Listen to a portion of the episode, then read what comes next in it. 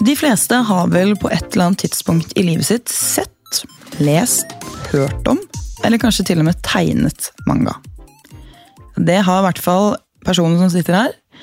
Jeg elsket å tegne mangafigurer sånn på ungdomsskolen. Og i tillegg til det så likte jeg veldig godt å lage historier og karakterer. Og jeg hadde faktisk noen tegneseriestriper liggende på rommet mitt, og som jeg viste til venner og familie. Manga det er en form for japansk tegneserie som kjennetegnes av en sånn spesiell karakteristisk kunststil. Og den inkluderer ofte store, uttrykksfulle øyne, enkel bakgrunn, snakkebobler og bruk av paneler som leses fra høyre til venstre. Sånn som man gjør i Japan. Og i Japan så har manga blitt en veldig viktig og ikke minst anerkjent del av kulturen. Og det er populært hos både voksne og barn. Stilen og formatet har blitt en inspirasjon for kunstnere og forfattere fra hele verden. Så selv om manga faktisk er det japanske ordet for tegneserier, så blir begrepet gjerne brukt om en spesifikk type tegnestil, fortellerteknikk og handling. Så når tegneserier i lignende stil blir laget utenfor Japan, så er det vanligvis mer presist å referere til det som manga-inspirert, for å indikere at de er påvirket av den japanske stilen, selv om de ikke er produsert i Japan. Og de siste årene så har det faktisk kommet en rekke norske tegneseriebøker som er sterkt inspirert av manga, og den bølgen har faktisk fått en egen merkelapp som heter nordisk manga. Det uttrykket er skapt av forlaget Egmont, som selv satser stort på sjangeren. Nordisk manga befinner seg ofte i fantasy-sjangeren og tar gjerne med de gjenkjennbare visuelle grepene som man kjenner igjen fra manga, og blander det med en tegnestil som kan minne om animasjonsfilmer fra Disney. Helen Kalheim er gjesten min i dag. Hun er oppvokst i Odda, men bor i Oslo. Vi er like gamle, og de figurene hun tegner, de har de store karakteristiske øynene, gjerne fargerikt hår, og har et uttrykksfylt kroppsspråk. Stilen er med andre ord lett å plassere, for som du sikkert kan tenke deg, Helen lever av å være mangategner. Hun gir ut serien Mørkealven hos Egmont, hvor den første mangaen ble utgitt i 2022, og nummer to i serien kom tidligere dette året. I tillegg til det så er hun foredragsholder og cosplayer. Med serien så ønsker Helen å bidra til større utbredelse av manga blant ungdom i Norge, og hun reiser masse rundt i Norge og holder mangakurs på bibliotek, skoler og festivaler. Jeg er så heldig å ha fått besøk av henne i studio i dag. Og jeg gleder meg til å høre om hvordan reisen hennes har vært, hvor interessen fra manga kom fra, og hvordan det er å leve av dette i Norge. Fordi dette er jo et veldig nisjete produkt, og Norge er et lite land. Og hva er kanskje de neste planene hennes? Jeg gleder meg i hvert fall til å høre, så derfor gjenstår det bare å si velkommen til deg, Helen. Takk, takk. Altså, akkurat nå, før vi skrudde på kameraet, det var litt dumt at jeg ikke hadde satt på kameraene ennå. fordi da Å ja. Se på dette her. Dere som ser på YouTube-video, stakkars dere som hører på podkast, må inn og se. Så har Helen tatt med mange av bøkene sine til meg. ja. En gave. Altså, fy søren! Jeg ble så glad. For jeg, jeg har ikke lest så mye manga. Nei. Lest litt Attack on Titan. Men uh, som jeg sa til deg i stad, da jeg gikk på ungdomsskolen, så gikk jeg og lærte meg å tegne mangakarakterer. Det syns jeg var veldig gøy. Ja. Og det lever du av nå. Ja. Det er faktisk helt vilt. ass. Og jeg gleder meg skikkelig til å høre hvordan du har kommet inn på det her. Men som alle andre gjester, så er du nødt til å svare på min lille spalte. ja. Jeg er klar. Må plassere deg litt, vet du. Hvor, Ja. hvor nerd er du egentlig? ikke sant? Ja. Det, det er jo forskjell på folk og nerder. Det er det. Det er det. Absolutt. Så da er du klar? Ja, jeg tror det. du tror det? Ok. Ja. Første spørsmål. Mm. Harry Potter eller Ringenes herre? Harry Potter. PC eller konsoll? Konsoll. Bok eller film? Bok. Marvel eller DC? Uh, DC har favorittgutten min, så DC. Favorittgutten din? Ja. Hvem er det? Jason Todd fra Batman-familien. Han er på en måte sånn her uh, uh, Hva heter det? Sånn antihero? Ja. Oi. Mm, det sorte fåret i familien. Her- Herregud, jeg vet ikke hvem det er. Dette må jeg finne Nei, ut nei, nei, dette er litt sånn her uh, comic-lesing. Ok, ok! Vi er der, ja. Ja. Vi er der. Selvfølgelig er vi der. Det Visste du, For du har hatt om Batman og Robin? Ja. Visste du at det er mange forskjellige Robins? Nei. Mange. Han har hatt masse forskjellige gutter. Og da er Jason Todd Robin nummer to. Åh! Alt man lærer nå. Ja. Kanskje jeg må ha en egen episode om det. Det er, det er Hver gang jeg har en ny episode, så blir jeg sånn Åh, dette må jeg ha en episode om! Dette er spennende! Åh, ok, tilbake til spalten. Cod eller CS? Bare det å finne ut hva de bokstavene står for, er et problem hos meg. Eh, Det er Counter-Striker og Call of Duty. Call of Duty. Ja, Ja. Er begge skytespill? Ja. Ja. Hvem er mest fargerik? Kanskje Cod. Da sier vi COD, da. Ja. Ja. CS er mer sånn eh, grått og strategispill Ja, og sånn. Du har litt mer muligheter, opplever jeg, i COD. Sånn, du kan hoppe litt og klatre. Og Ja, men det Det høres ut som COD. jeg er enig. Brettspill eller Arkade? Brettspill. Runescape eller World of Warcraft? Jeg må nesten gi det World of Warcraft med tanke på at jeg har en tegneserie med alver og spisse ører. Live action eller animasjon? Animasjon. Retroklassiker eller nytt spill med god grafikk? Mm, jeg tror det blir retroklassiker, altså. Åh, Ja. jeg er glad i retroklassikere selv, altså. Og så siste spørsmål. Fortnite eller Fifa? Da blir det Fortnite. Yes! Vi hadde akkurat en diskusjon på dette her også, sånn hvor kjedelig Fifa var, men uh, who knows? Det er ikke det vi er her for å snakke om. Nei, fotball er ikke jeg så god på. Nei, ikke jeg heller. Ikke jeg heller. Jeg har spilt fotball, men jeg er ikke god på det. Men ok, Helen. Ja. Hvis man skal starte helt i starten av denne mangareisen din, hvor kom interessen for det her fra? Det er vanskelig å svare på. Fordi eh, jeg tror Jeg er 95 her, altså jeg 28 år nå. Jeg er oppvokst med Pokémon på TV-en, ikke sant? Eh, Jeg vet ikke om du er oppvokst med Pokémon? Jeg er like gammel som deg! Er du? Ja, Jeg tror du var yngre. Ja. beklager, takk for det, men, takk for det. eh, Ja, ja, du tar det bra. Jeg tar det som en kompliment. Jeg blir glad, like glad hver gang. Men ja, vi to Mm. vi er oppvokst med Pokémon.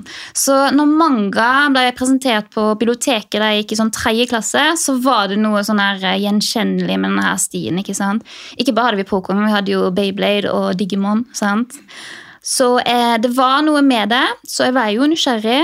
Og jeg eh, falt jo plask for eh, både stilen og måten de forteller ting på, og hvor annerledes det er da fra andre tegneserier som på en måte jeg også er oppvokst med. Så det var der det starta. Jeg var ganske tidlig ute med å bestemme meg for at dette her det vil dedikere livet mitt til. Og det var allerede på barneskolen? Ja. Å, herregud! ass! Vil du vite når jeg lagde min første tegneserie? Ja. Barnehagen. Oh yes. Å, herregud! Barnehagen kunne de det hele tatt fortelle en historie da, tenker jeg. Jeg hadde en historie om en jente som het Helen. Uh, Obviously. og eh, Hun går ut av huset sitt og møter en annen jente med kjole. Og så møter hun en gutt med kjole, for jeg kunne bare tegne kjole. Um, og så var det jo da barnehagelæreren som måtte skrive teksten. da, Men Ja. uh, putta det sammen til en liten bok. da. Nei, så hyggelig. Ja, Og den har mamma ennå. Det der er så koselig. Altså, Jeg elsket å tegne tegneserier selv. Men uh, den jeg husker sånn lengst tilbake, handler om et grønnsaksmonster Oi! som var laget av kål. Jeg var sikkert inspirert av den der reisen til et eller annet. Men han hadde i hvert fall et, kål, et kålhode som ansikt. Og eh, han var litt misforstått. Men eh, det ble ikke noe av den da. Det ble ikke noe mange av den. Ja, men Kålhode det synes jeg var interessant, fordi kål er ikke så lett å tegne. Nei, det ble litt sånn, du vet, sånn som man lærte å tegne roser. ikke sant? Med Ja. sånn liten knopp der, og så ut sånn. Så det ble litt sånn rose, Ja, roseaktig kålhode med litt øyne på. ikke sant? Men eh, jeg likte han. Og så lagde Herregud, jeg savner å tegne, merker jeg nå. Dette her må jeg begynne med. Jeg så en veldig kul video av deg også. Å. Så nå er det mye digresjon her, men eh, da du satt og tegnet, det var, jeg tror det var en artikkel om det. Når du satt på en sånn iPad som du hadde satt opp, og så da du angret, så trykket du sånn to Ja. ganger eller noe. Tappa på skjermen Ja. to ganger, og så bare forsvant det. Altså den streken jeg tegnte. da. Ja, ja, ja. Mm, ikke alt. Ikke alt, nei. Det var veldig fascinerende. Da ble jeg sånn, Det må jeg ønske meg til jul. Ja. Nei, jeg jeg tegner jo på en sånn Surface Pro, som er på en måte en hybrid av altså iPad og PC. da.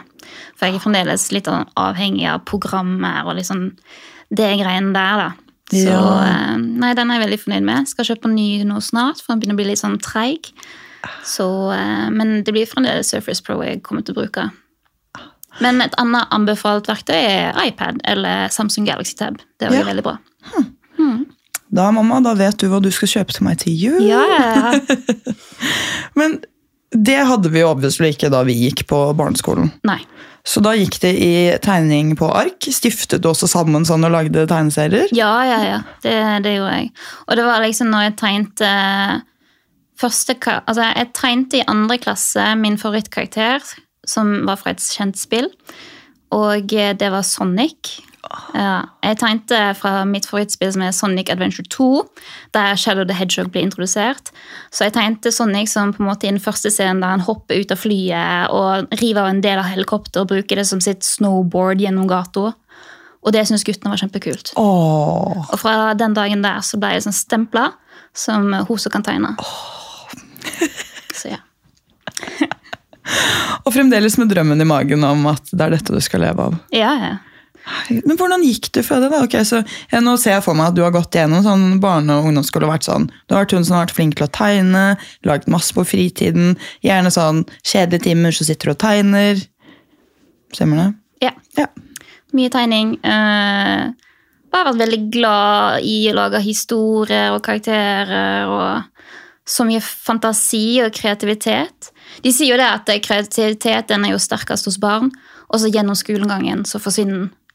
Så, eh, men eh, mine lærere har alltid vært veldig flinke. Selv eh, mattelæreren min sa at det går helt fint at Helen tegner i notatbøkene til matematikken, fordi jeg vet hva hun skal bli. Nei, er det sant? Ja, Fint! Altså, Så supportive lærere. ja absolutt. Det må jo ha vært veldig deilig. Ja. Jeg håper du gjorde litt mattestykker òg, men eh, Ja, jeg jeg er flink i matematikk, så uh... og kanskje det også som gjorde det greit. ja, jeg tror det. Den, ok, det er jo greit at hun tegner litt. Hun gjør det jo ganske bra, da. Men når var første gang det på en måte ble ordentlig seriøst? Um, jeg tror det ble litt mer og mer seriøst, egentlig. Em, vi visste jo ikke hva utdannelse jeg skulle for eksempel ta, da, som tegneselskapet. Vi har ikke sånn her eh, comic school sånn som i USA. Så eh, jeg endte opp med å ta mediekommunikasjon, siden jeg likte digital tegning. Var det på videregående? Ja. Ja. Så jeg satt jo med sånn her, På barneskolen så brukte jeg MS Paint, som alle PC-ene våre kom med, ikke sant, med datamus. Og så ble jeg mer og mer interessert til liksom, dette her med drawing tablets og eh, eh, GIMP og andre tegneprogrammer. Da. Så mediekommunikasjon var riktig, og det var der jeg fikk også min første lokalavisstripejobb. Så lokalavisa ble Hæ? eh, min første tegneseriejobb. Hadde du her på Ja. videregående? Ja, ja, ja. Så jeg hadde en egen spalte. Mm. Så, og etter det da, så var det liksom, ok, hva skole skal vi gå på nå? Da, da ble det liksom folkehøyskole, da. Som er det beste valget jeg noen gang har gjort.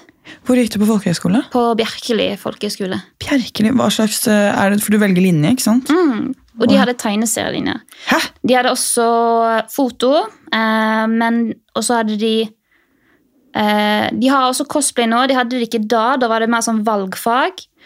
Og de hadde da animasjon og eh, game-koding. Ja. Dette hørtes altså, sånn, Dette mener jeg i positiv yeah. forstand. men Det høres ut som den nerdeskolen. Ja. I positiv forstand. Ja. Så gøy! Og så gøy og, altså, hvordan man påvirker hverandre gjennom alt det her også. ja. Og hvor mye man kan lære. Ha, nei, herregud, så gøy. Og Det ble introdusert til så mye andre nerdeting jeg ikke har vært borti. Ja. Eh, romkameraten min, fordi man ble jo plassert i et eh, bygg der du bor med klassekameratene dine og får en romkamerat. Hun var da en dungeon master. Og jeg bare Hva søren er en dungeon master? Blir litt redd for å spørre, ikke sant? Ja, ja, ja. Og det var jo da jeg ble introdusert til det som heter Dungeons and Dragons. Som er terninger, rollespill og det. Jeg har faktisk en episode om det i første sesong. Ja, med en Dungeon Master i sofaen. Oh. Fordi jeg var med i Teleklubben. Oh, ja. Eh, og da fikk jeg en bok da, altså på barne- og ungdomsskolen ja. eh, som het Hvor er Abby? Og det handlet om to jenter som likte å spille Dungeons and Dragons. Så jeg har alltid hatt lyst til å spille, men jeg har ikke gjort det. Så, men det er veldig gøy, da! Spilte du Dungeons and Dragons? Ja. Jeg spilte jo da en drow, eller dark elf, så mening. kickstarta hele Mørkealven-ideen, da. Å, herregud, så gøy! Dette har jo kommet Altså, Åh, nå ble jeg sånn blåst av vane. Så utrolig gøy, fordi da lager du jo din egen karakter. Ja. Og det var før du hadde selve ideen om Mørkalven. Ja, så jeg spilte jo ikke Kaim inn når jeg spilte Dungeons Dragons. Eh, karakteren min han het eh, Leonardo, og hesten min het DiCaprio. Så, eh, og han var vel en sånn der Ikke assassin, men hva heter det? Rogue? Ja, noe sånt. Ja.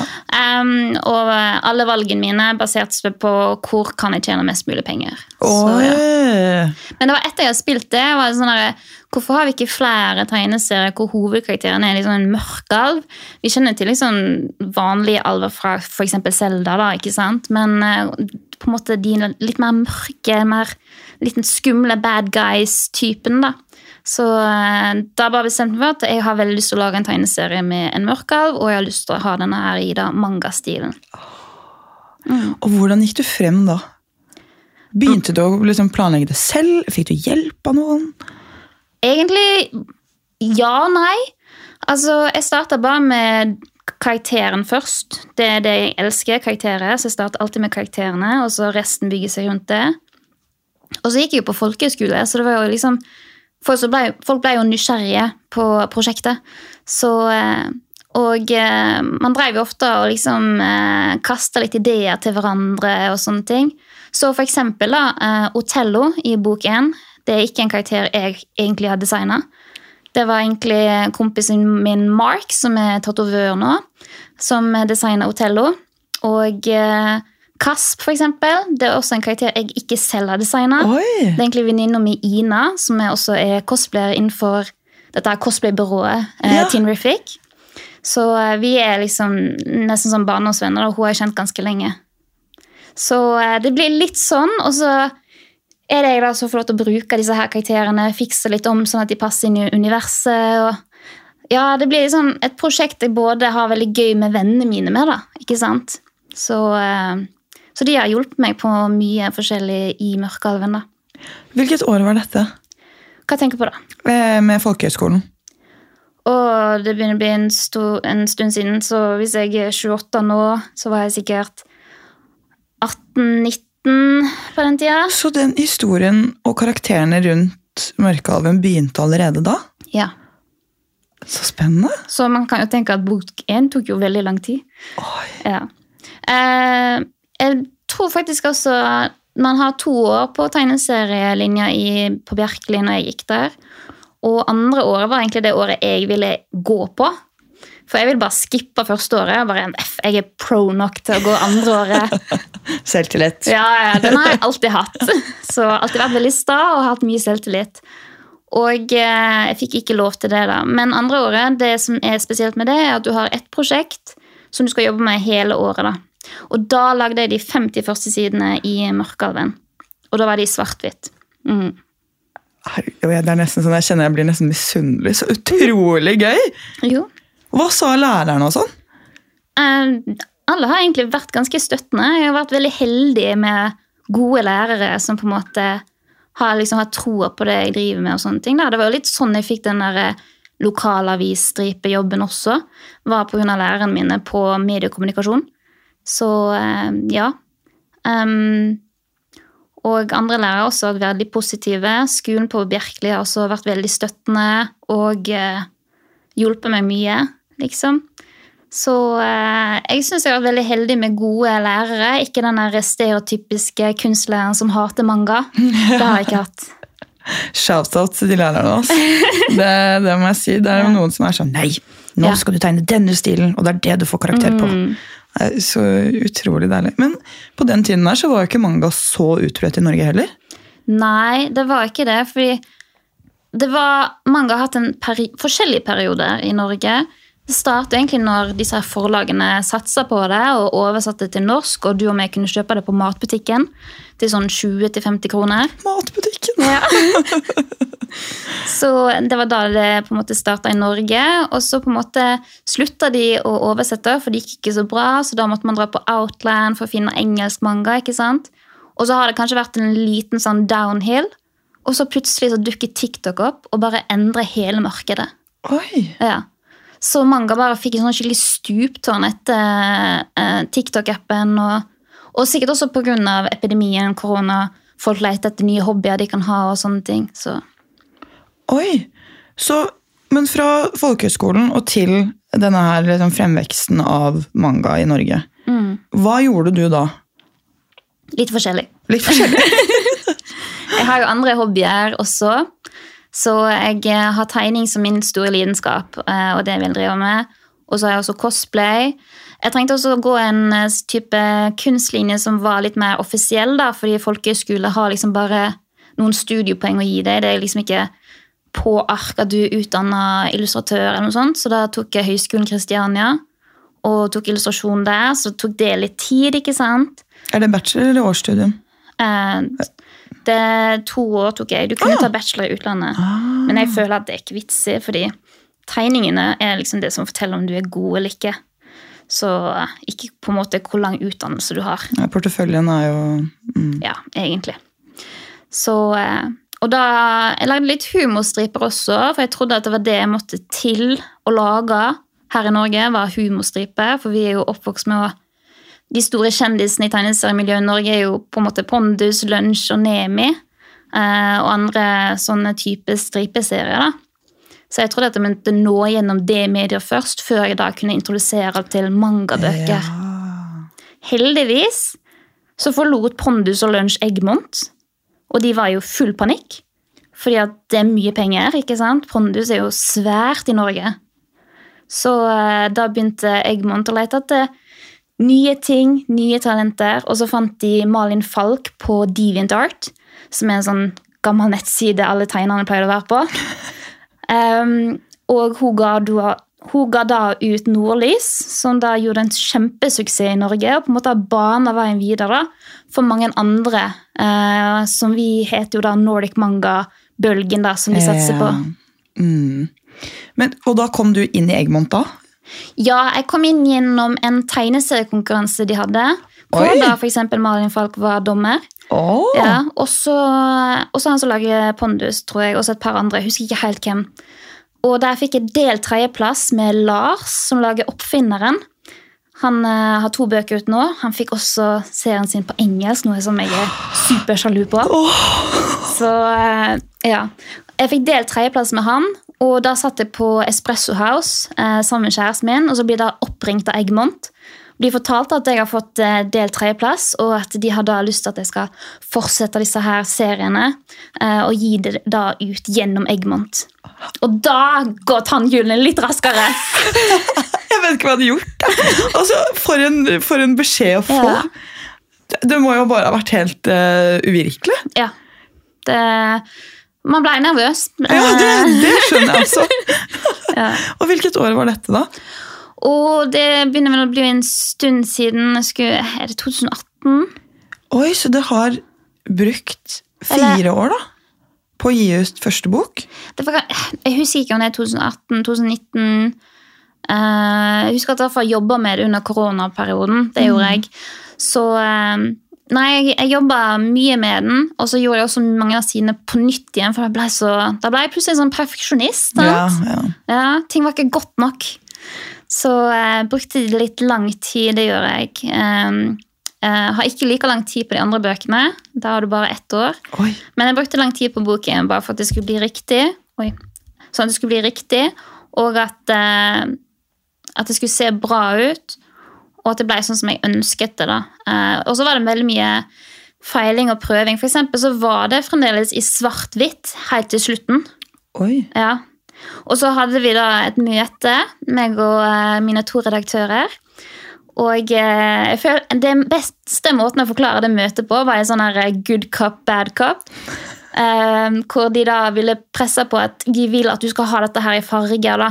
Og jeg var sånn skikkelig sta. ikke sant? Og de Ja. bare Nei! Det er en manga! Litt! Dere skjønner ikke! um, så jeg gikk hjem sur fra møtet. Så møtte jeg eh, redaktøren igjen, da.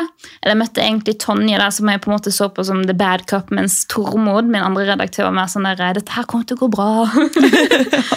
så da eh, møtte jeg henne igjen etterpå, hvor vi på en måte hadde begge bøyd oss i støvet for den andre. da. Da hadde jeg testa ut farge, og så var jeg på en måte enig med at det så bedre ut. Det så kulere ut, det var lettere å se det som var tegna med farger. ikke sant? For det er jo et verktøy, det òg, det å bruke farger. Og hun hadde på en måte da sagt at eh, ja, du kan ha det da i svart-hvitt. Så da endte vi det opp med i farge da, etter det. Hvordan er det å fargelegge noe som eh, du kun har tegnet i svart-hvitt? Eh, Det var litt annerledes, for da måtte jeg plutselig gå eh, Det er litt annerledes fra bok 1 og bok 2. da, For i bok 2 så visste jeg jo at jeg måtte fargelegge, mens i bok 1 så hadde jeg allerede sånne grey tones. eh, som jeg da måtte putte farge på. Så jeg kikka veldig mye på koreansk manga og webtoons. Og så så jeg også på eh, folk som fargelagte svart-hvitt mangaer på nettet. Ah, Så eh, studerte de litt, prøvde å få det liksom like bra og sånne ting som de, da. Mm. Så ja, spennende. Det blir jo et helt annet uttrykk. det blir det. Så eh, Men jeg syns det ble bra. Ja, jeg også syns det ser veldig bra ut. Jeg gleder meg til å, til å lese. Hvordan tror du det hadde vært sånn Si om dette skulle bli gjort om til uh, anime. Ja. Hadde det, hvordan hadde det vært? Jeg, jeg vet ikke. Altså, for det første Skal vi da satse på at det er et japansk animasjonsstudio som plukker det opp? liksom? Ja, ja det, er, det er jo det, da. Ja. Um, det hadde vært utrolig spennende. Det hadde jo. Og så blir det interessant hvordan de uttaler de forskjellige navnene. For eksempel I bok to så er det veldig mye norske navn. Ja. Ja. Bok to har min favorittrase, fancy-rase, som er sirene. Og eh, alle de har sånn skikkelig norske navn som Ivar og Kjetil. Og, ja. Herregud, det føler jeg er sånn to forskjellige verdener. Ja, skjønner du hva jeg mener?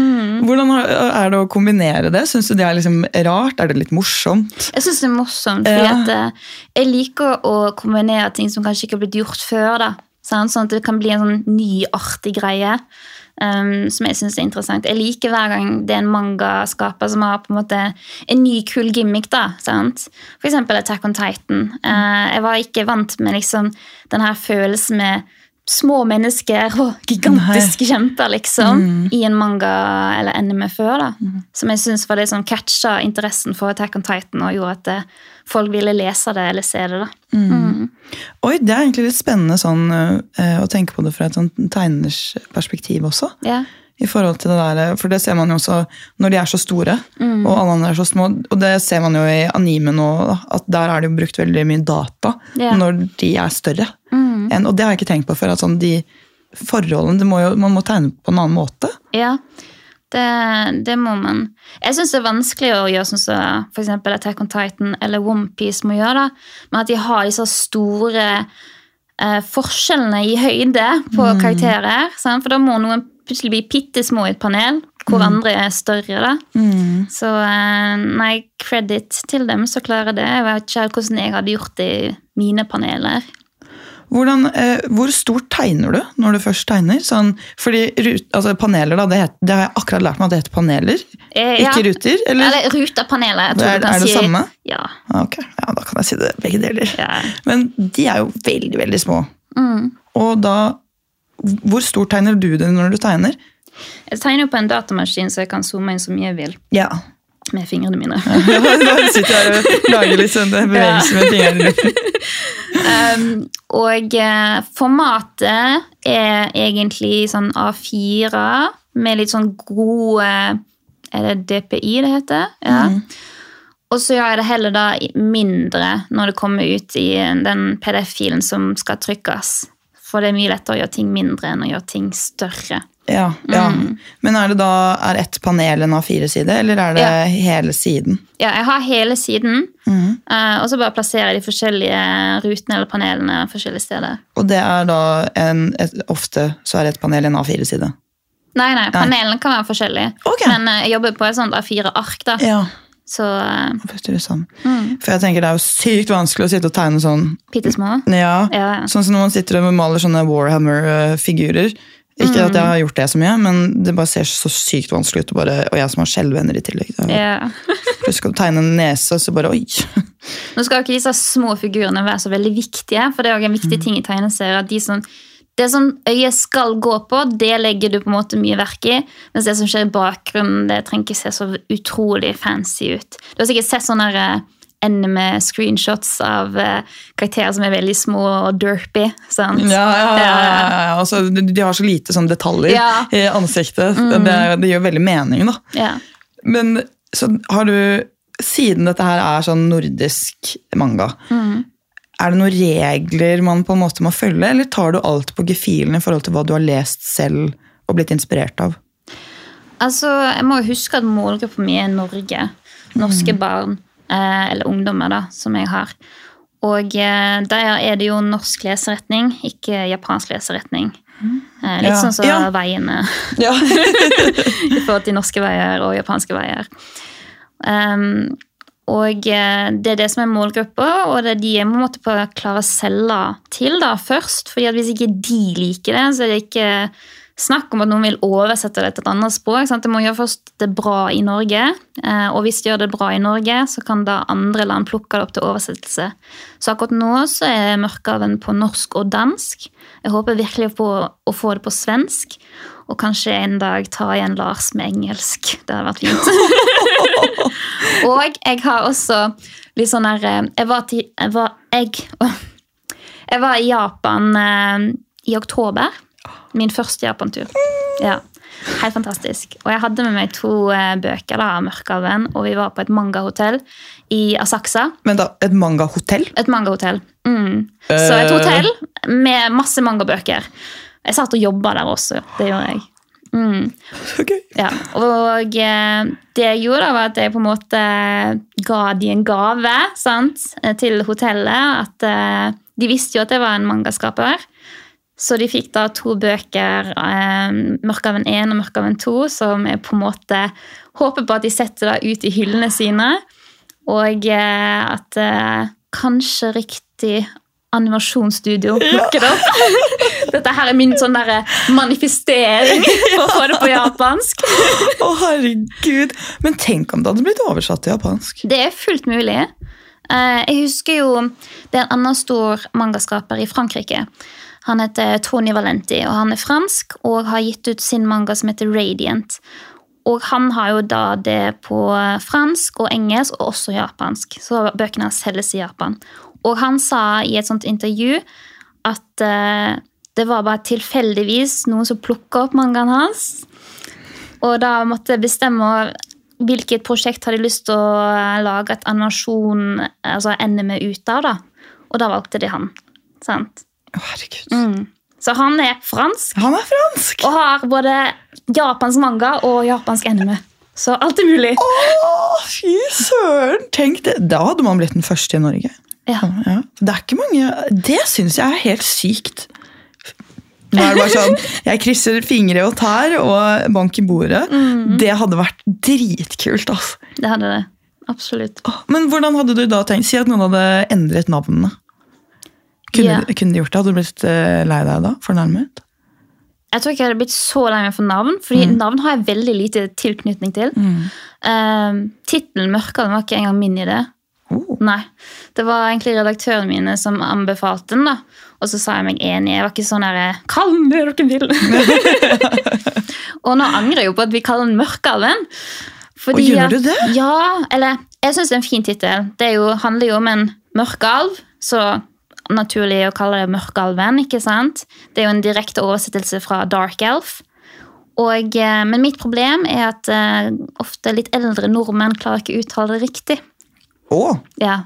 Og ikke TV 2 heller. Hæ? Ja. Hvordan er det de, hvordan er det de uttaler det? De uttaler det Mørkalven. Nei. Nei, nei, nei, nei, nei. Hæ? Så, uh, Som i kalv? Ja, som Nei. heter Mørkalv! Au! Det er jo en, det er, Så det har vært en sånn der uh, det er jo en alv! Altså, Hvordan tror, tror de at det er en kalv, liksom? Jeg vet ikke. Men de leser det som Mørkalven og har gjort det om til en slags type joke. Og når jeg skal vite at boka mi skal for første gang på norsk TV, ikke sant? Ja. TV 2-nyhetene, og så står hun eh, verten der og skal introdusere nye gladnyhetene, og, bare, og så kommer Helen Kalla med Mørkalven. Jeg døde inni meg. Å nei, gud. å nei, gud. Og så er det sånn da, skal man da komme og være sånn Hei, hei det er mørkalven. Ja, Eller skal man bare stå i det og være sånn Yes, jeg har laget en bok som heter Mørkalven. Bare eier det. Å nei, gud, det er faktisk Jeg skjønner, jeg skjønner da mer sånn etternavnet ditt, om det er Kaldheim eller Kalheim. Ja. Det Nei. Uff. Ja, det er veldig kjipt. Men hva ville du egentlig at den skulle hett da? Nei, jeg veit ikke. Jeg, jeg tror nok det hadde blitt sikkert Mørkalven. Jeg jeg vet ikke om jeg hadde kommet på noe bedre passende tittel. Ikke vil jeg ha sånn superlange titler, sånn som mange mangaer har nå. Som jeg har skjønt er et resultat av at ingen gidder å lese synopsisen på baksiden, så da har de bare som tittel. Oh. Ja, så det er derfor de har sånne superlange titler, noen av disse her seriene. Eh, så, men det hadde jeg ikke orka. Jeg vil ha en veldig sånn kort, presis tittel. Litt sånn som Naruto, Bleach og sånne ting. da. Som er lett å huske og kort og presis. Ja. Og forklarende, Ja. egentlig. Så, oh, fy fader, folks attention span. Altså, hvor, hvor skal det ende hvis ikke man klarer å lese en sånn eh, Hva var det du, hva det du kalte det? Hva da? Sy, syn, Synopsis? synopsis? Jeg vet ikke om det er riktig, men uh, den korte teksten på Ja, baksiden. baksiden. Ja, ja, det jeg vet ikke hva som er riktig, men jeg var sånn, ok, nå må jeg lære meg ord. Nå må jeg. Ikke lær av meg, jeg sier masse rart. Det sier jeg jo. Okay. Eh, og jeg er, sånn, jeg er fra Gol, eh, så noen av sånn tonefallene våre sånn er litt rare. Ah, Og så har jeg blandet om til å legge om til sånn Oslo-dialekt, men med litt sånn tonefallet til ordene uten. Så jeg høres veldig rar ut når jeg sier ganske mye rart. Så jeg, du er ikke alene. Det er mange. Jeg har en venninne som også finner på ord og uttrykk. ja. Så sier hun et uttrykk, så er det ingen som skjønner hva hun mener, og så er det ingen som tar henne på det heller, og så, så får hun leve sånn. ja. Det er Sånn det. Men hvordan er eh, Skriver du bok tre nå? Mm. Så spennende. Jeg var ferdig side 98 i går. Oi! Mm. Hvor mange sider er det i hver bok, cirka? Det er rundt sånn Altså, bok én er på 180 tegneseriesider. Ja. Og bok to ble på 160. Og jeg merka, bare med sånn her eh, 20 siders forskjell, at eh, bok to er tynnere. Oi! Og jeg som da liker å se bøkene mine for siden av hverandre, hater jo at det er faktum at den ene er tynnere enn den andre. Så bok tre får ikke lov til å være mindre enn bok to eller større enn bok én. Bare sånn at de ser bra ut på Ved siden av hverandre. Ja. Det har jeg faktisk ikke tenkt på, men de fleste sånn mangabøker også er jo veldig sånn Mm. like når de står ved siden av hverandre. Ja, det, det er de jo. Fordi de har sånn cirka like tall. Et eksempel der de ikke gjorde det så veldig bra, er den oversatte engelske versjonen av Pokémon-mangaen. Oh. Ja, jeg vet ikke hvorfor, men der er sånn, Noen er kjempetjukke, og andre er syltynne. Og det ser helt grusomt ut i bokhylla. Ja.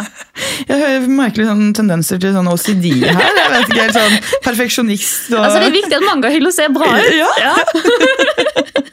Jeg er helt enig. Jeg kjenner meg veldig igjen i mye av det du sier. så Ja. det er ikke det, det er ikke det.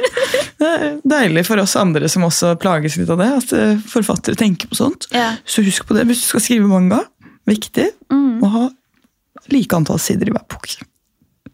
Men ser du noe sånn eh, avslutning, sånn ende på det, eller er dette Har du på en måte hele historien i hodet? ja. Ja, fra start til slutt, og antall bøker og liksom Det blir feil å si at jeg har hele historien i hodet, for det har jeg ikke. Jeg har en ish-slutt. Ja. Ja, Se på det som et spill med alternative endings, så jeg har ikke funnet ut hvilken jeg skal velge ennå. Oi! Åh, det her er veldig spennende, fordi eh, nå blir Attack on Titan nevnt veldig mye her, men Ja. i form av hvordan første bok Jeg føler at alt er planlagt til siste. Eh, I hvert fall som det kommer fram i animen. Og jeg syns at de er veldig lignende. altså Mangaen og animen er veldig like av det jeg har lest. Men og da blir jeg sånn Fy søren, sitter man og har hele linjen for seg. Eller er det mer sånn man har start og slutt, og så må man finne på alt imellom? Altså, Jeg har sånn start og slutt og finne på alt imellom, Ja. egentlig. Så eh, selv boka jeg jobber med nå, så har jeg ikke funnet alle detaljene. Det som er liksom planlagt, det er et par stikkord. Ja. Ja. ja. Og så resten Jeg jobber på en veldig kaotisk måte. Jeg eh, lager side én, gjør den ferdig. Begynner på side to, gjør den ferdig, og jobber den veien der. Og på en måte planlegger imens jeg driver og tegner. Så eh, jeg vet ikke hva som alle detaljene som skjer i neste kapittel, siden nå fokuserer jeg kun på dette her kapittelet. ja. Så eh, sånn er det jeg jobber, og sånn skal du ikke jobbe. Nei, ok. Nei. For da skal spørre om Finnes det en fasit på hvordan du skal jobbe? Du skal egentlig ha veldig sånn detaljert manus. Og eh, små thumbnail-skisser av alle sidene. Sånn bitte små skisser som bare viser liksom hvordan du vil sette opp rutene. da. Og så skal du da skisse hele boka, og så da tusj og farge. Ok. Ja, og det er mer sånn der, eh, en eh, forfatter som har kontroll på greiene sine, i forhold til meg. Ja, det har jo gått bra, da. Det har gått bra. Eh, Det er redaktørene mine som eh, river seg i håret, ikke meg. Ja, jeg, jeg, jeg skjønner på en måte det. Jeg, Mm. jeg hadde veldig lyst til å gi ut eh, bok Ja. da jeg var yngre. Eller jeg drev med det veldig lenge, faktisk. Nå er det noen år siden jeg drev og fokuserte på det. Men der også så var det sånn de første kapitlene. Mm. Sykt nice. Og så er det sånn noen kapitler her og der som jeg bare elsket å skrive. Og så slutten. Og så er det alle disse kapitlene mellom, så bare faen. Alt sånn fyll og sånn. Og så bare det at det skal henge sammen. Mm. Og ha en rød tråd. Fordi jeg er et veldig sånn følelsesmenneske. Ja. Så jeg liker å skrive veldig sånn dramatiske, dystre, masse tanker. Ja.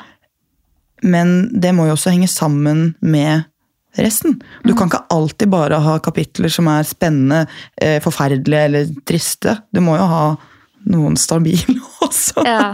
Så der har jeg altså funnet noe sånn Det er noe mellom Det er noe sånn eh, hull. ja. Så du liker veldig godt å lage scener, da, for eksempel? Ja. ja. Og så er det å få disse scenene til å henge sammen med andre scener. ja. Ja, Så så det. litt eh, å bygge opp spenningen til akkurat det kaotiske. Mm. Så det må jo også være litt eh, vanskelig, for jeg vet ikke Hvordan er du i forhold til sånn For man har en fantasi og et bilde av noe, men man må jo eh, egentlig være litt bevisst når man skal bygge opp en fortelling også. Eller bare lar du det flyte? Jeg føler litt den der eh, Hollywood-kurven jeg lærte på barneskolen, med start og oppbygging oppbygging Er det den som ser ut som fisk? Ja, Ja. så den føler jeg ennå. um, så det må jo bygge opp til et eh, stort, interessant eh, kapittel da, på slutten. Og en slags type avslutning. Men det er, ikke, det er noe manga har lært meg, så er det at den fisken der er ikke nødvendigvis noe du må følge. Nei. Nei, Jeg, syns- jeg syns jo eksempel Studio Ghibli-filmer er jo så forvirrende når du har lært deg om den fisken. Ja, ja. Ja. Ja, ja. Det er veldig sant, det har jeg ikke tenkt på før. Nei, jeg synes eh, Det var liksom en av de første filmene der som ikke fulgte den Hollywood-modellen, følte jeg. Så det var liksom noe nytt og kult, da, syns jeg. da. Ja. Mm. ja, det gir veldig mening. Men også i manga, er det ikke litt mer sånn at man har cliffhangers også? Jo. I større grad enn eh, vanlige bøker? Jo. Sånn at man skal må liksom Mm. Jeg er jo veldig frekk i bok eh, to, da. Ja, du er det? Ja, er Jeg skulle til å si sånn, ja, det er veldig irriterende for oss som sitter og leser og ser på når det er sånne cliffhangers. Men da skal jeg ikke si det. Ja, men jeg vil jo at folk skal plukke opp uh, bok tre. Ja, ja, Ja. man vil jo det. Mm. Så uh, Nei, det er cliffhangers og uh, veldig mye fokus på følelser og karakterer. Det er det jeg syns er gøyest. Det er disse karakterene som er så forskjellige og har sine egne på en måte historier. da. Mm, selv om du er hovedkarakter eller en BC-karakter, at du har et eller annet historie. Men har du alt inni deg da? Ja. Eller har du liksom sånn eh, karaktersheets Nei, med historier og sånn, den har det sånn, den har det sånn, eller er bare alt inni hodet, så du vet alt? dessverre så er alt inni hodet mitt, så det er, jo, det er jo ikke bra. Ja, men det er jo kjempespennende. Ja, det er det jo. Jeg bare hater planlegging. Ja, Kan ikke, altså, den Japan-turen min var det kjæresten min som planla. For det orker ikke jeg. veldig deilig. Ja, Så jeg, jeg ble bare med på turen, jeg. så nei, jeg er ikke glad i planlegging eller det å gjøre lekser, holdt jeg på å si. Så, og så er det som også er litt ironisk, er jo at jeg har lese- og skrivevansker. Det leste jeg i en artikkel! Ja, Det er jo kjempemorsomt! ja. Tenk det! Det er sånn, Hvor ironisk yrke kunne du valgt? Forfatter? Ja, men Det er jo kjempegøy. Men har du eh, altså har du mye skrivefeil, så redaktørene må ordne opp i det? Ja. Går det? Haugevis av Nei, du har det! Ja. Og de, de har liksom Det er jo tre folk de ansetter for å fikse. Alt det tullet jeg har skrevet. Men føler du, kan du føle at det blir eh, eh, endret feil, så setningen du har ment, blir Ja. mister betydning? Ja. Absolutt. Og det er noen ganger jeg er sånn derre Vet du hva, det driter jeg i. At du vil at jeg skal skrive på den måten. Jeg beholder den originalsetningen. Jeg. Eh, og det kan jo for eksempel eh, være sånn Noen har jo sagt at jeg banner veldig mye, men jeg føler jo at banning kan være en del av karakterdesign. ikke sant? At noen har et mer sånn fargerikt språkbruk. da. Eh, så det har jeg ikke lyst til å endre på hvis det er en sånn type karakter. Pluss at noen ganger så har visse ord bare en bedre effekt da, om jeg skulle da sensurert det til noe litt mer barnevennlig. Ja, ja. så eh, det kunne vært endra. Og så noen ganger så har det vært sånn der eh, Nå merker jeg at han her ikke skjønner hva jeg prøver å si. Ja, ja, ja. sant? Så eh, da prøver jeg å spørre liksom redaktøren mine kan vi fikse det på en annen måte. eller noen sånne ting. Men det er noen ganger jeg ignorerer det de sier. Ja. Mm. ja, fordi det der har jeg også. Jeg har en venninne med lese- og skrivevansker, og jeg er veldig sånn rett fra skolebenken når jeg skriver, da er jeg veldig opptatt av grammatikk og hvordan det skal Og jeg merker at eh, når vi har jobbet sammen på ting, så kan jeg misforstå hva hun egentlig mener. Når jeg da prøver å i hermetegn oversette det yeah. til hva som er riktig formulering av grammatikk. Og så blir det sånn Det er ikke det jeg mener! Nei. Det er ikke det ordet der jeg mener. Så jeg er sånn, ja, men hva mener du da? Mm. Og det må jo også være litt interessant når man faktisk jobber på et sånn type produkt. da. Ja. Det er mange ganger jeg har liksom bare si til kjæresten min hva, Har du et ord for dette her? Og så kommer han med masse eksempler. Bare, Nei, det blir ikke riktig. Nei, ja, ja. For man sitter selv med en sånn Ja. følelse av hva det egentlig er, og så har man ikke ordet. Mm. Det være veldig frustrerende også, egentlig. Ja. Altså Det jeg også hørte, var jo at uh, for dysleksi kan også ha en påvirkning på talemåte. og sånne ting, og da Er jeg sånn der, er det derfor jeg mumler så mye? Jeg har ikke tenkt over at du mumler. Ok, det er bra. Jeg prøver så godt jeg kan. Nei, her, jeg syns du er kjempeflink, ass. Og bare med tanke på at du altså, har lese- og skrivevansker, og har klart å gi ut Du er nå på din tredje bok. Ja. Herregud. Og så tenker jeg også det der med at du sier sånn, ja, men det er ikke riktig måte å gjøre det på, og det er kaos. og Så fint at det går likevel. Og at man kan vise andre sånn Hei, jeg gjør det ikke etter boka. Ja. Ja, jeg har kanskje noen rare ord, jeg har litt banning der. Det er, men det funker! Det går bra. Det må være veldig sånn åh, deilig for andre også som sitter og eh, opplever ting på samme måte, da, eller jobber på samme måte. ja. Jeg lurer på hva jeg skulle gjort hvis jeg ikke hadde vært så sta og den selvsikkerheten. Ja, For den tror jeg har hjulpet meg veldig mye på Jeg vet hva som funker for meg, Mm. og jeg vil gjøre det på min måte. Type attitude. hvordan har du fått det? Jeg tror det er mormor. Åh, Ja, hun er en veldig sta, selvstendig, sterk kvinne. Ja, hun fikk seg eh, jobb mens eh, kvinner ikke skulle ha jobb. Oi. Hun ville ta lappen selv om kvinner ikke trengte å ta lappen. Ja, litt sånne ting. Så ja. Herregud, det, jeg skulle jeg håper å si, jeg har flotte kvinner i min familie også, men jeg, den selvtilliten, ass, den, mm. den, jeg, den tror jeg hadde trengt på visse områder. fordi jeg tenker også bare det å tenke at sånn, ja, men dette skal gå. Du har et prosjekt, og du bare Ja, men det her går. Kommer til å gå. Mm. Å sitte og eh, ville det, og så gjennomføre det. og bare, Nei, altså, det er veldig, veldig kult. ja. Jeg visste jo at det var et vanskelig yrke å komme seg gjennom. Men jeg hadde på en måte heller ikke noe valg, følte jeg. Det var dette her jeg ville. Jeg kjenner det i magen. Dette her er det jeg skal. Og da må jeg liksom bare satse og putte alle eggene i en kurv. Og skulle det ikke gå, så vil jeg heller liksom angre på at Altså, jeg vil ikke angre på at jeg ikke prøvde.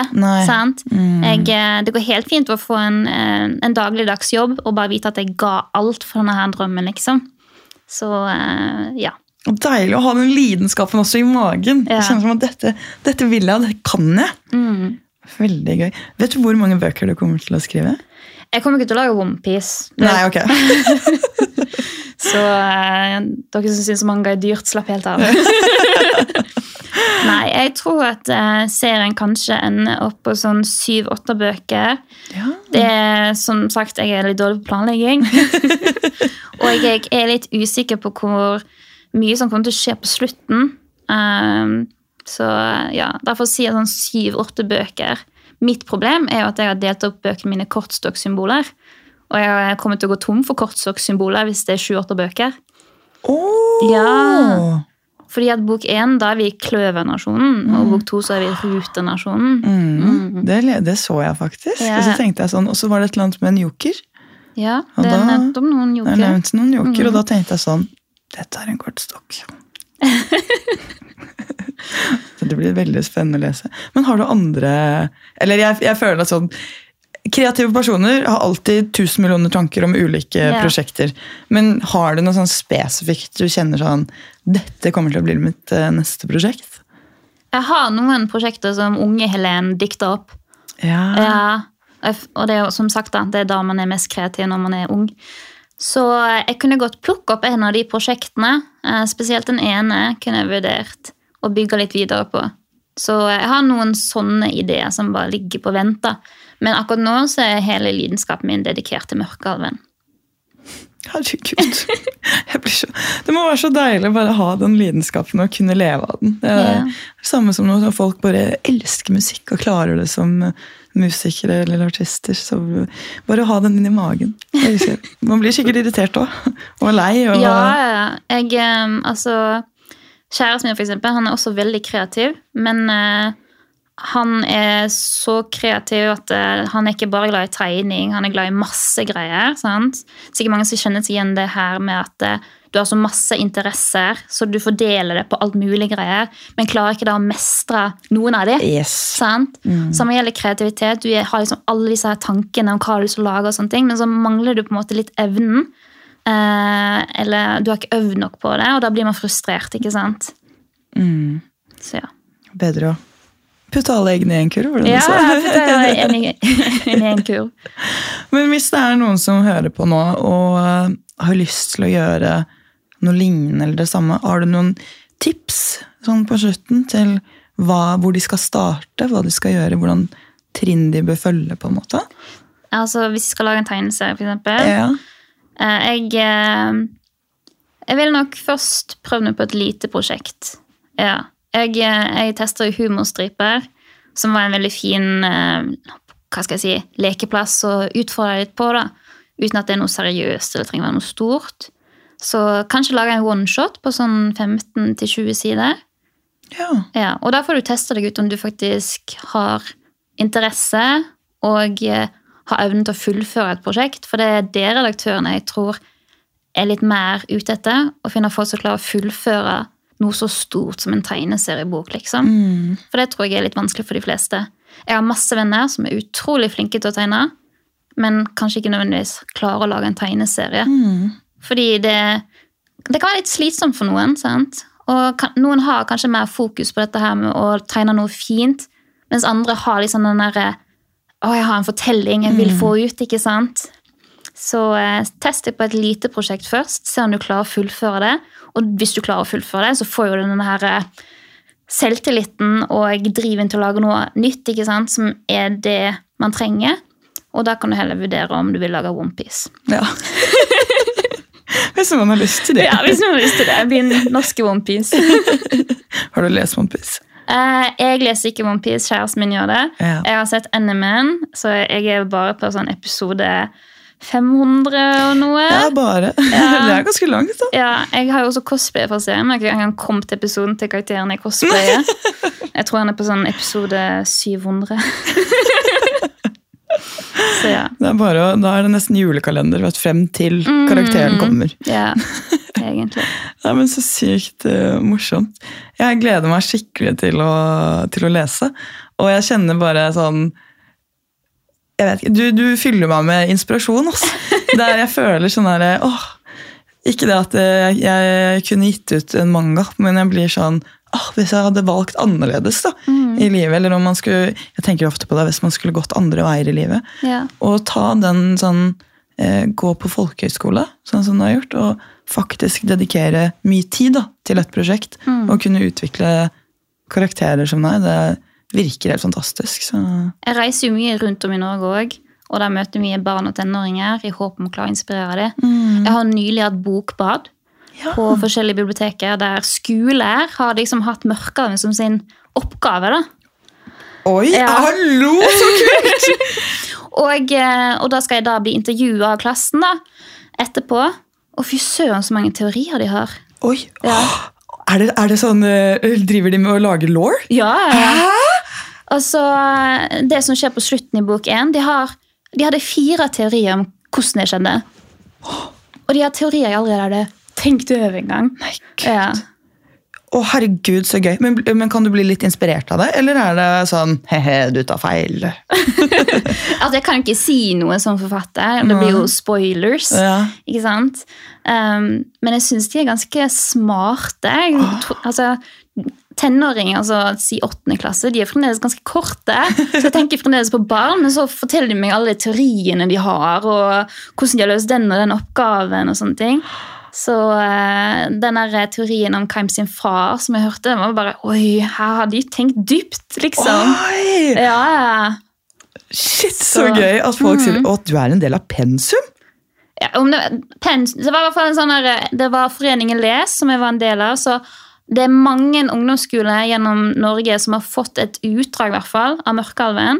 Og så tror jeg mange også har da hatt Mørkealven som en slags oppgave. Som prosjekt. Ja. eh, Ja, ja riktig. Ja, jeg, jeg vil kalle det en del av pensum. Ja, ok. Mine ord. Herregud, er så sykt gøy. Mm. Det må jo være en drøm som på en måte har gått i oppfyllelse. Ja, jeg, eh, jeg føler meg nesten som en sånn stor mangaskaper, egentlig. Altså det at folk kommer med teorier, liksom. Det er vildt At eh, folk har cosplayer fra det. Ja, Tine, som har vært i podkasten, Ja. har jo gjort det. Eh, Og jeg var jo på Spillekspo, da var det to mørke av en cosplayer der. Som du ikke kjenner? Nei, nei, nei. Nei, så gøy! Så eh, det synes jeg var gøy. Og så har jeg fått masse meldinger fra folk som jobber med andre mørke av en cosplayer. Noen som har lyst til å jobbe med Bliss, og så en ny Kaim. og ja. Nei, Det er utrolig. Så det eneste jeg mangler nå, er egentlig en NME. For jeg har også hatt kunstutstilling. Så Kunst, altså vet du hva? Jeg tenker nå om Alle må bare sånn sende masse mailer til flere til animasjonsstudio i Japan. Ja. Bare sånn, dette her This is the new shit. Herregud, det er så sykt. Sykt kult. Jeg er skikkelig imponert. Jeg ja, er veldig glad for at du kom på besøk, så tusen takk. Takk for at jeg får komme. Og hvis du skal ha bokbad Mm. for din tredje bok, Eller boklansering. ja, eller boklansering Ja, jeg pleier å ha det på Outland i Oslo. Gjør du det? Ja, Og det er ikke uvanlig at cosplay kommer da òg. Og det er kake. Vet du hva? Dette høres ut som et perfekt event for meg. da kommer jeg gjerne, så nå inviterte jeg meg selv. Ja, ja. Så bare følg med på Instagram, så blir det sikkert eh, boklansering på bok tre kanskje sånn i mars-april. tror jeg. Det var lenge til. Det tar lang tid å lage bok. Ja, Jeg har ingen mangaassistenter. Herregud, jeg, jeg syns det er helt vanvittig fremdeles. Jeg tenker at du lager manga i Norge. Ja, Hvem skulle tro at det var mulig? Ja, det er jo et veldig Det er jo et nisjete Ja. produkt. Nordic manga. Nordic manga. Mm. Og tenk å være en del av det òg. Liksom bare et nytt begrep. Ja. Helt vanvittig. Jeg er så fascinert. Jeg. Dette er helt fantastisk. Åh, nei, tusen takk igjen. Jeg gleder meg til å komme på boklansering og følge med videre på alle disse bøkene som skal komme, og hvordan det fortsetter. Jo, takk. Skikkelig flink. Så håper jeg du som har hørt på, har lært noe, og også har lyst til å lese Mørkalven, eller Mørkalven. Det spørs hvordan du Ja, Hvis du er over 50, Mørkalven. Mørkalven. Ja. Ja, Men eh, det er ikke noen kalver i boka, eller? Nei, det er ikke en eneste ku. Da vet vi det. Så ikke bli skuffet. Nei. Mørkalv. Tusen takk, Helen. Det var skikkelig hyggelig. Ha det bra.